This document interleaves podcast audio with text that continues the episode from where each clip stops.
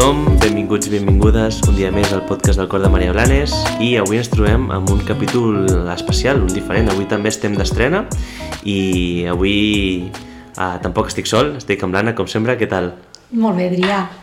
Doncs a punt per, per estrenar-nos en, aquest nou, en aquest nou episodi. Sí, en aquest cas, bueno, crec que és el primer cop que estem sols. És veritat. No? Sempre el Sí. primer vam estar amb l'Anna, després hem Sí, estat acompanyat sí, de nens i de l'Emma. raó. Doncs sí, aquest cop estem sols i el que us volem presentar és una nova secció, li podem dir així, de, del nostre podcast, on parlarem de coses potser més culturals, no? on, on us volem ensenyar i, i, i regalar alguns de, algunes, diguéssim, eh, ensenyaments que podem extreure de diferents coses, com poden ser llibres, vídeos, inclús pel·lícules, no? Llavors, eh, llavors podem analitzar, per exemple, què creiem que podem eh, eh, treure a nivell més pedagògic doncs, alguna pel·lícula de Pixar, no? o inclús recomanar-vos algun, algun llibre que ens hagi agradat o alguna, mm, algun vídeo, com és el cas d'avui, que podeu passar en els vostres alumnes o els vostres fills i filles. Exacte. Avui el que farem serà mm, parlar una miqueta d'una faula que es diu La cebolla que aprendió a amar. És una faula que es troba, a, bueno, la podeu trobar al YouTube, en vídeo, eh, però mm, bé, nosaltres la vam conèixer a través d'un llibre de l'Àlex Rovira que es titula Amor. Al final de tot d'aquest llibre hi ha aquesta faula i del que parla justament és com, eh, com despullar el cor per arribar a estimar d'una manera més pura.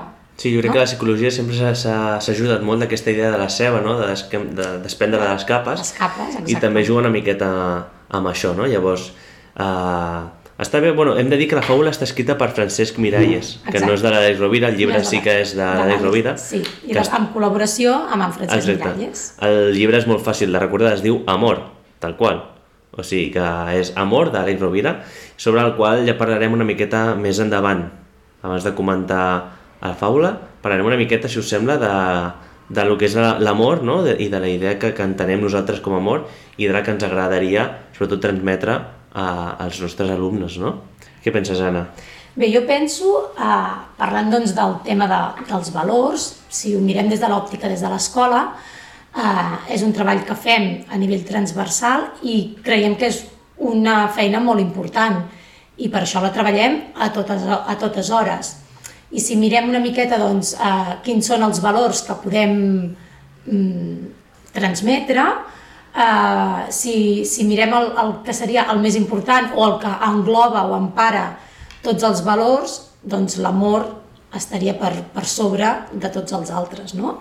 Seria el valor universal eh, per damunt de tots els demés. Exacte, jo m'he estat empapant una miqueta abans de, de fer el podcast, no? I puc extreure dos eh, frases no? que engloben tot això que, que, que, del, que després parlarem.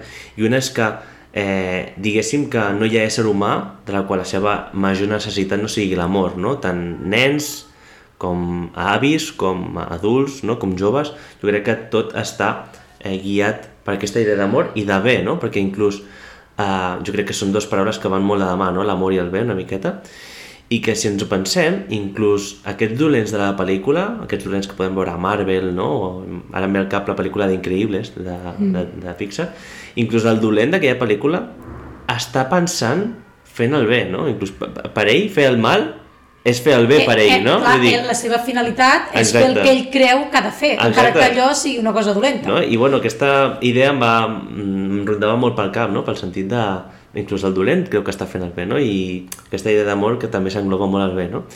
Aquest això per un costat, i per altre, també m'agrada molt el fet de, de, de, de, tampoc, el que parlàvem una miqueta amb l'Imma, eh, quan ens fustigàvem per quan la, eh, fèiem alguna que estava malament, no? i li donàvem massa, massa valor a allò, i és que no podem jutjar eh, els actes passats des de la, des de la saviesa present, no? Una miqueta. Això és molt important. Un cop ja clar, hem, après clar, la lliçó, clar, ja no ens podem fustigar, Clar. no, ja l'hem après, no? Clar, i, I les experiències són les que ens aporten no? a, a anar millorant i anar creixent eh, en el tema dels valors i en el tema espiritual. Mhm. Exacte.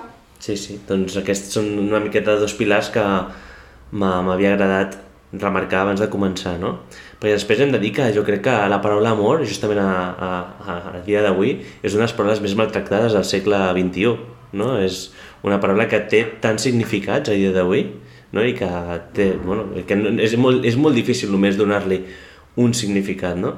A mi una cosa que m'agrada molt, de, jo crec que si més no és una que defineix el que per mi és l'amor, és, eh, ho podem eh, veure a la mare de Dumbo. Com la mare de Dumbo, eh, en, en el seu fill, que a priori és lleig, entre cometes, no? perquè té les orelles més grans de lo normal. I, i, el, I a més a més, en la pel·lícula el que es destaca és els seus defectes, no? Exacte, i es destaca el seu defecte. La mare el primer que fa és abraçar-lo i utilitzar les seves orelles com a manta, no? O sigui, veuen el seu defecte una virtut, no? Jo crec que és la, una de les màximes potencialitats de l'amor, no? Llavors Clar, jo crec que... La, la, de fet, l'amor paterno-filial o l'amor que senten els pares cap als fills segurament deu ser un dels amors més grans que pugui existir. Sí, sí, sí, i això m'agrada molt aquesta imatge no? que tenim de, de lo que seria l'amor no? i del que també ens agradaria transmetre aquesta visió als alumnes, no? aquest amor eh, on el, en el defecte intentem veure la virtut, no? educar en aquest sentit. Mm -hmm. Llavors, eh, si sembla bé, eh, en comptes de parlar de, de, de no, no, no tossigar-nos tant amb l'amor, perquè al final busquem que sigui també un capítol, un episodi curtet, eh, si, si vols podem parlar del que no és amor, no?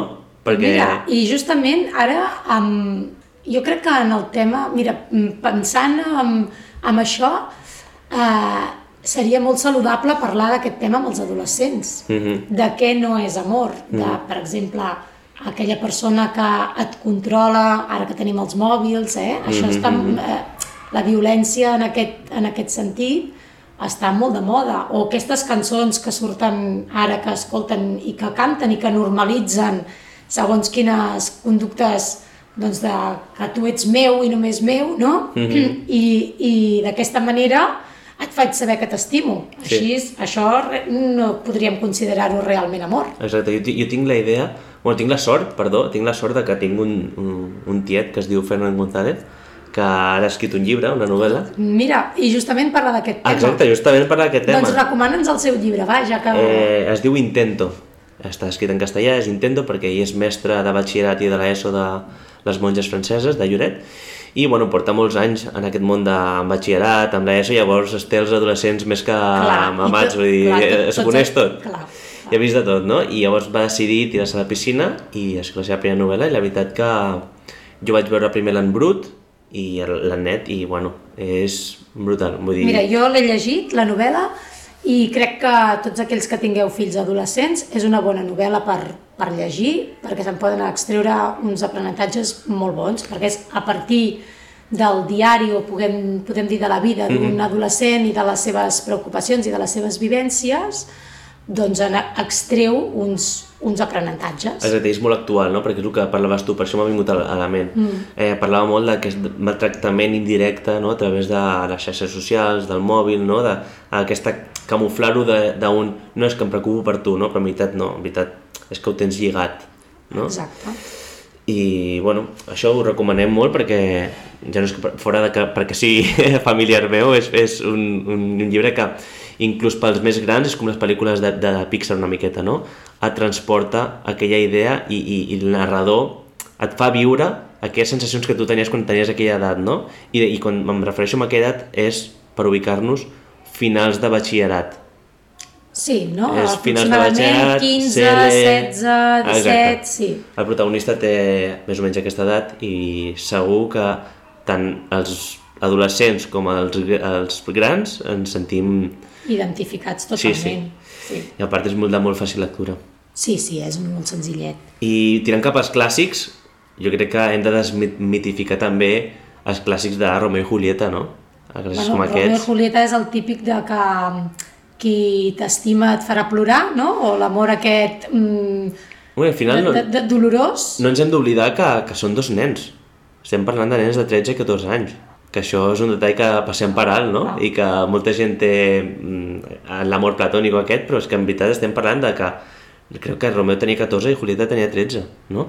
I és més, abans de que, quan comença la novel·la, quan Romeo, abans d'enamorar-se de, de Julieta, eh, estava enamorada d'un altre, que es deia Rosaura o Rosana o així, vull dir... No la veritat és que no he llegit. Mira, és un d'aquells clàssics que, que n'has sentit parlar tota la vida, Romeo i Julieta, i pots haver vist pel·lícules, però no, no sé ben bé la història. Bueno, és un, un enamorament per a veure qui m'agrada més, no? O sigui, estic enamo- enamorat de tu fins que trobo algú que m'agrada més físicament. Eh, És tal qual el que, el que passa, eh? I després, bueno, ja sabem tots l'amor tràgica que hi ha al final, llavors... Eh, jo crec que no és un amor verdader perquè al final dura el que t'adura eh, la imatge física una miqueta, no? Clar. Que després ja ho parlarem, que és un dels pilars de la cebolla, de la no? cebolla, sí. Però sí que, bueno, jo crec que és una que hem de desmitificar perquè això és un amor infantil que es basa només en, en l'aparença primària. L'aparença primària. Bueno, és una d'aquelles capes que en la Ah, cebolla exacte, sí, totalment, totalment. I res, i després, bueno, si ja voleu indagar més en això, les cartes del joven Werther, que és de, de Goethe, que no sé com es, mai sé dir-lo, de Goethe, eh, l'autor es diu Goethe, i mm, és algo bastant similar, però és un amor molt egoista eh, cap a l'altra persona, inclús al final fatídic que té ho fa pensant en què pensarà ella, almenys si faig això ella pensarà en mi, vull dir, és un amor superegoista, que no pensa pas en l'altre, Egoista i tòxic, no? i tòxic, sí, totalment, però també és un clàssic, eh? I, bueno, són, crec que són dos exemples de lo que s'ha tingut en referència de lo que és l'amor i crec que no ho és pas, no? Amb tot el que hem parat fins ara. I tu què diries que és l'amor? Home, doncs mira, Si, el, del, si haguessis de definir, què diries que és l'amor? algo molt més simple del que pensem, jo crec. Jo també penso que és alguna cosa que molt universal. Jo, mira, va, digues tu què, què penses. No, no, jo és que anava a anar per, per al llibre, perquè la veritat que el llibre ho defineix molt bé. Sí. Llavors digue'm tu si vols la, prim- la teva opció, perquè si vols, si no hi entraríem en el llibre, que és... Bueno, és que té tres pilars que jo sé, crec que són lo indispensable. Són, són les paraules clau. Exacte. Va, digue-les. Eh, bueno, eh, per introduir una miqueta, aquest eh, llibre d'Àlex Rovira que hem dit que conté la fàbula, eh, es divideix bàsicament en tres pilars, no? Diu que estimar és comprendre, estimar és cuidar i estimar és inspirar, no? Llavors jo crec que eh, indaga molt més en cada pilar, ho passarem molt més ràpid perquè tampoc us volem fer spoilers, si us ho voleu llegir, però perquè ho entengueu una miqueta, quan ens referim a que estimar és comprendre, és totalment oblidar-se d'un mateix, oblidar-se de, dels teus problemes, de l'ego que tens tu, per entregar-te totalment a la necessitat de l'altre, que jo crec que és un estimar molt de docent, molt de mestre, no? que és al final... Bueno, de donar- servei, no? Sí, de, De servei, servei els altres, altres. aquesta escolta activa que Sí. uh, avui en dia està, no està tan present. I de l'empatia, comprendre, és, és ser, per, per poder comprendre primer és de ser empàtic. Mm -hmm. Jo crec que el primer pilar va per aquí, una miqueta. Estimar és comprendre, no? El segon, que és estimar és cuidar, Aquest m'agrada molt a mi. sí, a mi també... Bueno, a mi...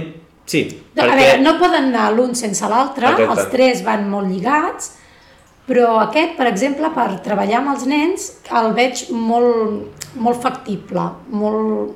e- és fàcil, com si diguéssim, de, de pensar com, com es pot arribar aquí, que és estimar és cuidar. Mhm. És a dir, no només dir-ho de paraules, sinó mm, mostrar-ho amb accions. Exacte. Perquè molt et poden dir que t'estimo, bueno, qui t'estima, o sóc el teu amic, però després et faig la punyeta. O t'estimo, però t'estimo, t'ho dic, però després no t'ho demostro. Exacte, eh, va per aquí, no? Al final és expressar l'amor a través de les accions. Crec que per molt que ho diguis, que està bé dir-ho i, i, i canviar verbalment les coses, però al final les accions són les que manen, no? I per últim tenim eh, que estimar és inspirar, no? Inspirar també va molt de la mà amb aquest amor docent que parlàvem al principi de donar recursos, oportunitats, no? Aquest feedback positiu, bueno, no positiu, no? Però com a mínim constructiu, aquest feedback constructiu que hem de tenir l'un per l'altre perquè això sigui possible i puguem fer créixer a l'altra persona, que al final crec que és un dels objectius Mira, de, de, molt, sí, trobo super, estic d'acord completament amb tu, i d'aquest bloc, d'aquest pilar, em vaig extreure una frase del llibre que em va agradar molt, que diu, qui t'estima t'impulsa i et fa brillar. Mhm.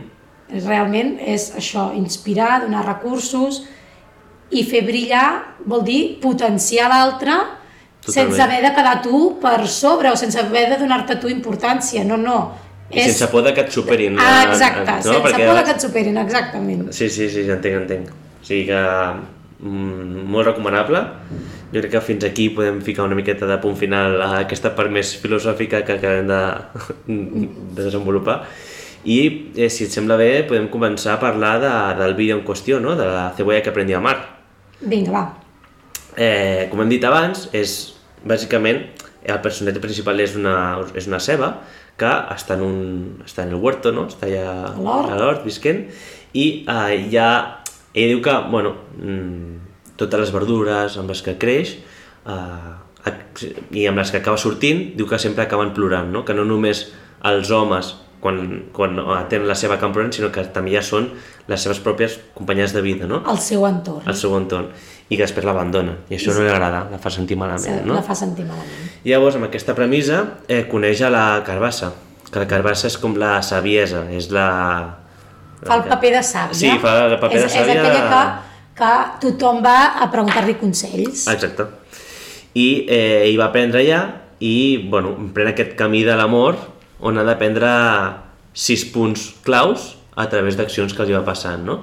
primer li comenta això, que no li agrada que tothom l'abandoni i que fa, la, la facin plorar i això és perquè ens hem de, u, lliurar de l'orgull no? Ella mm -hmm. diu que ens hem de lliurar de l'orgull perquè a l'amor que dura eh, es aconsegueix a través de la humilitat no? i per tant ja tenim el primer pilar aquí que és eh, lliura't de l'orgull Sigues humil. sigues humil no? jo crec que també és clau no és una cosa clau aquest és el primer punt que aprèn la seva no? i llavors es desprèn d'aquesta primera capa no? I llavors Aquella primera capa que la feia amb ella, a més a més li donava un to lilós, exacte, no? i- i ella diu que això- I, I aquest orgull de, de ser uh, diferent de totes les altres cebes, l'ha de deixar i ser més humil. i ara més ja és més blanca, ara quan comenci a rodar diu que s'em- s'embrutirà de terra, no? Com que, bueno, ja ha de, ha de perdre aquest orgull. S'haurà d'exposar. Ah, exacte. Llavors després es veu que es troba amb un tomàquet, no? Que eh, comença com a, a fer- a fer-li preguntes, a...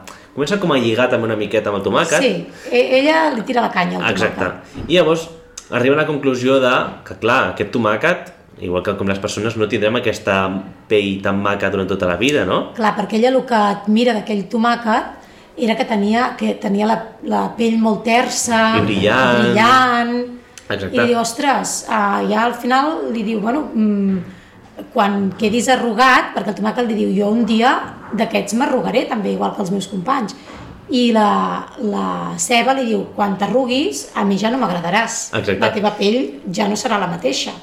Llavors, I el tomàquet se'n va. exacte, se'n va plorant. Bueno, no, perdona, se'n va la, la, la, la tomàquet plorant un altre cop, ella ha fet, eh, ha, ha, fet tornar a plorar un company, no? Sí.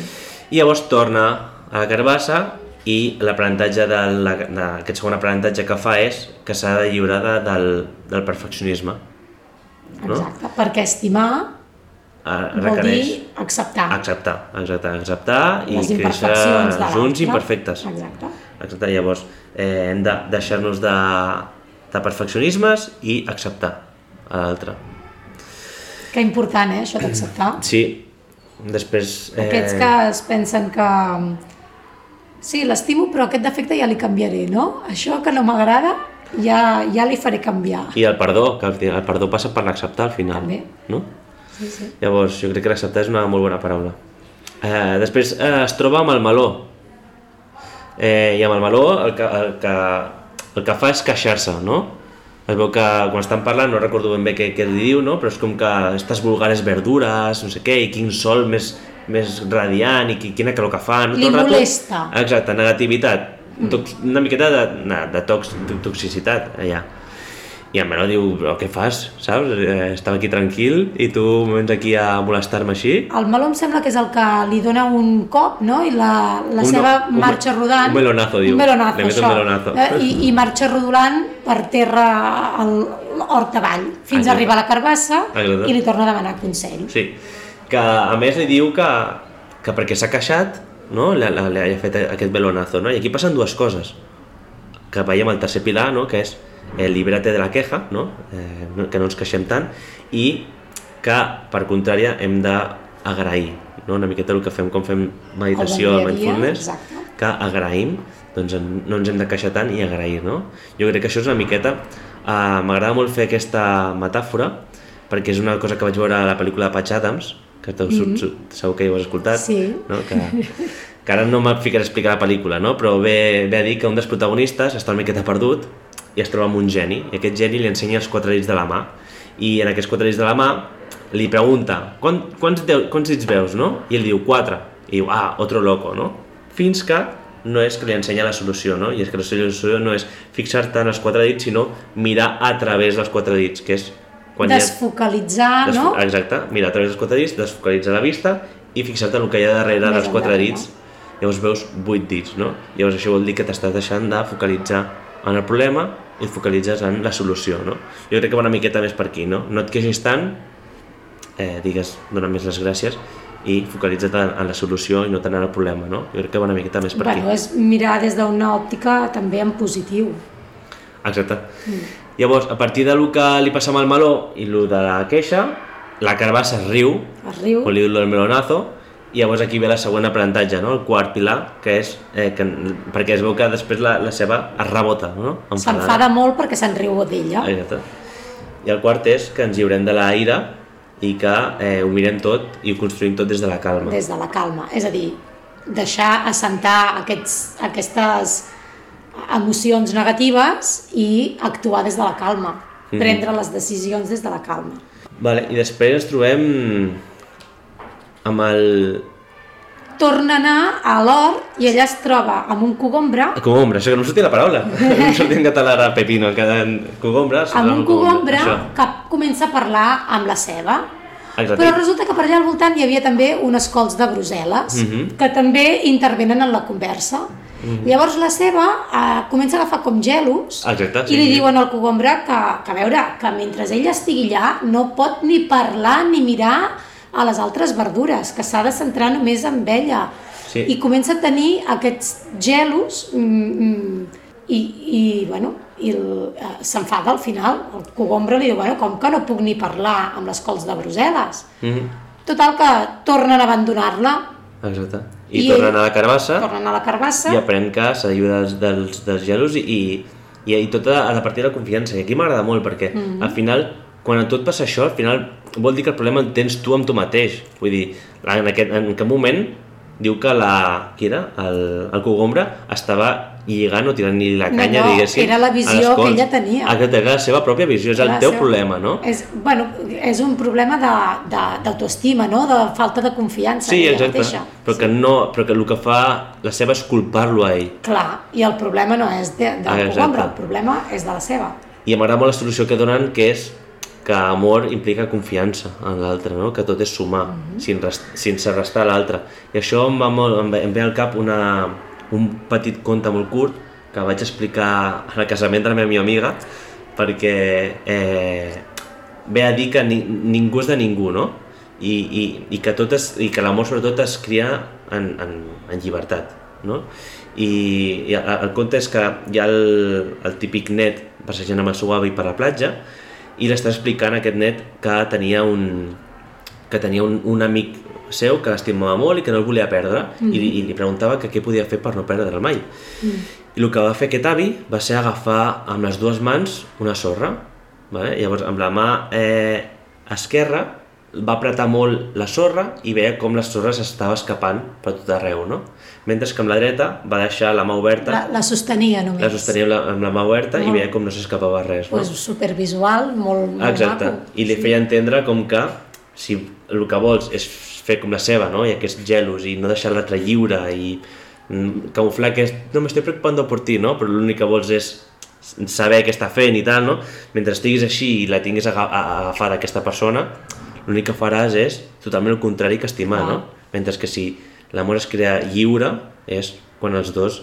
Eh, quan els, Estic al teu costat pel que em necessitis. I perquè però- vull. i per- Exacte, Perquè al final l'amor és triar-se a cada, a cada dia. sí, sí. sense cap mena d'obligació, no? Llavors, eh, m'agrada molt i jo crec que també enganxa molt bé Mira, no, aquest sabia, pilar. no el sabia, aquest conte és, és maco. Mm, és molt xulo. I finalment, eh, la seva es queda en, en res, està quasi... Clar, ara ja s'ha tret cinc capes. Exacte, ja està S'ha en el cor gairebé. Clar, s'ha tret l'orgull, s'ha tret el, el perfeccionisme, la queixa, la ira i els gelos. Mhm. I torna a sortir a l'hort a veure què passa. Ja derrotadíssima, ja, ja, està com... ja, a, a, estava una mica cansada, de tants, clar, i home, ella... tants de pals seguits. Clar, i, i ella, clar, s'ha anat despullant. Exacte. Es veu, suposo que jo penso i dic, ui, es deu veure vulnerable, no? Mm -hmm. Fins que es troba, ara sí que em perdonareu, no sé dir en català, l'alcachofa. Carxofa, Cachofa, ah, mira. Quasi Més igual. fàcil. La cachofa, que justament havia, havia passat pel mateix eh, procés que la ceba i es troba amb el cor de la cachofa, vull dir, ja no, no tenia cap capa tampoc. la, les carxofa, la carxofa també s'havia anat traient Exacte. totes les capes. Llavors, eh, es troben les dos, que són dos cors, diguéssim, no? I és molt bonic aquesta metàfora perquè es troben com els dos cors i eh, prenen juntes l'últim pilar, no? Que és lliberar-se de la gravetat, no? I que al final l'humor és l'ingredient secret de l'amor, no? I el, ris, el, ri- el riure's d'un mateix és essencial perquè l'amor pugui avançar, no? Clar, perquè la, el, la ceba, quan veu l'escarxofa, clar, la veu despullada, com si Sí. diguéssim, i, i al revés, i la- la- l'escarxofa veu a la ceba despullada. Llavors, en comptes de preocupar-se, no? de, d'estar, de ser vulnerables, doncs eh, eh, se n'enriuen i diuen, mira com ens veiem, i, i, i és molt bonic perquè, clar, es troben en aquest moment en què jo crec que és el moment òptim de tots dos, no? De, Sí. de les dues verdures per Exacte. trobar-se. Mhm. Perquè tots dos estan en el mateix punt de la vida, en, el mateix, en la mateixa situació. Han après, durant aquest camí, han après a, a alliberar-se de totes aquestes coses que no els deixaven estimar de veritat. Exacte, sí, sí. Llavors, ja està, vull dir, al final volem dedicar aquest tipus de, de programes a ensenyar-vos una miqueta recursos, l'aprenentatge que podem treure d'això i esperem que es pugueu aprofitar i que també us ajudi a vosaltres, no? Llavors aquest creiem, cre creiem que era molt bon per començar perquè eh, tant el vídeo que està a YouTube Que si el voleu veure, només heu de posar La cebolla que aprendió a amar. És Sí. un vídeo bonic, acompanyat de música, de, és, eh, el podeu mirar a casa sí, en, amb la família i parlar-ne. 14 minutets dura, així que Sí, és curtet. Eh, no és res d'altre món i vull dir, en quant a llargada, eh, que, que en quant a aprenentatge és molt, molt maco. I a més a més, és molt maco perquè està fet amb aquarel·les, Sí. i dona veu als Les personatges. imatges són molt maques, sí. Sí, i el recomanem És des molt d'aquí. tendre, eh? Molt. Llavors, bueno, eh, ens tornem a veure més endavant amb un altre... Ja veurem què portem. Amb un altre format. Ja veurem què portem el proper dia si un conte, una pel·lícula, ja veurem, no? Però bueno, esperem que aquest episodi que sigui una miqueta diferent us, també us agradi i I, bueno, veiem... si teniu alguna idea de, de contes o de, de coses que vulgueu que, que en parlem o que analitzem, doncs ja sabeu que li feu arribar a l'Adrià Mhm. i, i ens hi posem. Exacte, ens ho recomaneu i aquí des d'aquí eh, farem el possible. De la mateixa manera que si algun pare o algú de vosaltres vol venir a participar, doncs ja ho sabeu. Exacte, totalment. Estem oberts a, a tot el que ens proposeu. Per suposat. I si et sembla bé, Anna, això no ho hem parlat abans, eh? Ara és sorpresa. Eh, però tinc una cançó... Clar, ara estava pensant jo també. No tenim la cançó No d'alumne, però sí que tinc una cançó meva. Vinga, va. Eh, es diu... Eh, perquè justament parla de l'amor. Em sembla que ja sé que, Sí? quina diràs, a veure. És la que vam fer servir l'any passat com a logo de la classe, com a lema de la classe, per cinquè, que és eh, la cançó de KCO, que es diu Outro. No. Ah, sí, sí, sí. Vale, no, no era la que jo em pensava, però bueno, sí. quan l'escolteu ja, xula, sabe, sí. ja, ja sabreu per què dic que parla d'amor. I crec que és una, és una, és una manera que té aquest cantant d'acabar, el seu- de tancar el seu disc parlant bueno, de, de l'amor i com per ell la canvia la vida, no? I res, curteta, i la van fer servir com a logo l'any passat als nens i els, els agradava molt. Era, era una mica la cançó del, de la curs, classe. sí, sí, De la classe. Ah, molt perquè bé. tenia un logo molt repetitiu que és Cuanto más amor das, mejor estàs Mhm. i ho repetia molt la cançó i els hi agradava molt. Molt Llavors bé. us deixem amb aquesta cançó que esperem que, que us agradi i ja sigui també una bona manera de tancar uh, aquest episodi que hem parlat de... Bueno, ens hem ficat amb l'amor a tope, eh? Molt bé. Doncs ens veiem aviat. Moltes gràcies a tots. Fins la propera. Adéu. Gracias a Muna por su paciencia y su comprensión. Siempre a mi lado en un proceso muy duro. Ella me vio meses y meses mirando al infinito, escuchando ritmos sin escribir una sola palabra. Por comprender esto y mucho más, gracias. Ahora que lo terminé, se lo dedico porque es suyo, ¿ok? Paz y amor para Gonzalo Las Heras, R de Rumba y Marcos, por todo el cariño que le han puesto a esto. Paz para mi mamá, mi papá, Sergio Joselo, María y Cris, Sabán, Belén y Mustafa, mi familia. En un camino polvoriento aprendí a ver, quise saber a quién amar, a quién creer. Puedo decir que me negué a participar para no arrepentirme de nada. Preferí no probar, aún tengo dudas de si mi intuición falló o solo fue el miedo el que me frenó. Nunca lo sabré, pero lo que sí sé, porque lo comprobé, es que un hombre con fe no tiene límite. Pienso en mi abuela cuando subo al escenario. Amigos que se fueron me visitan a diario. Estéis donde estéis. Me acuerdo de vosotros antes de salir en el backstage. ah. Para todos los que estáis, ya sabéis que lo que dais será lo que recibiréis. Que se prepare el mundo porque voy a intervenir. Tengo un mensaje para los que se quieran venir. No son problemas, son oportunidades de mejorar y superar adversidades. Tú tienes gran poder, solo quiérete. Puedes lograr cualquier cosa esforzándote. Todo es mental, todo es como lo percibes. Tú puedes cambiar la percepción de lo que vives. La belleza está en los ojos del que mira, todo es del color de la luz que recibe. Cuántas pruebas de amor a diario y qué triste ver que pocas superamos. Te traigo un lema que te puede servir como a mí. Repítelo a diario, dice así. Cuanto más amor das, mejor estás. Cuanto más amor das, mejor estás. Cuanto más amor das, mejor estás. Cuanto más amor das, y así todo el rato, bro. Cuanto más amor das, mejor estás. Cuanto más amor, mejor estás. Cuanto más amor das, mejor estás. Cuanto más amor, mejor estás. Cuanto más amor das, y así todo el rato, bro. Cuanto más amor das, dímelo. Cuanto más amor das, ¿cómo es? Cuanto más amor das, mejor estás. Mejor estás. Mejor estás.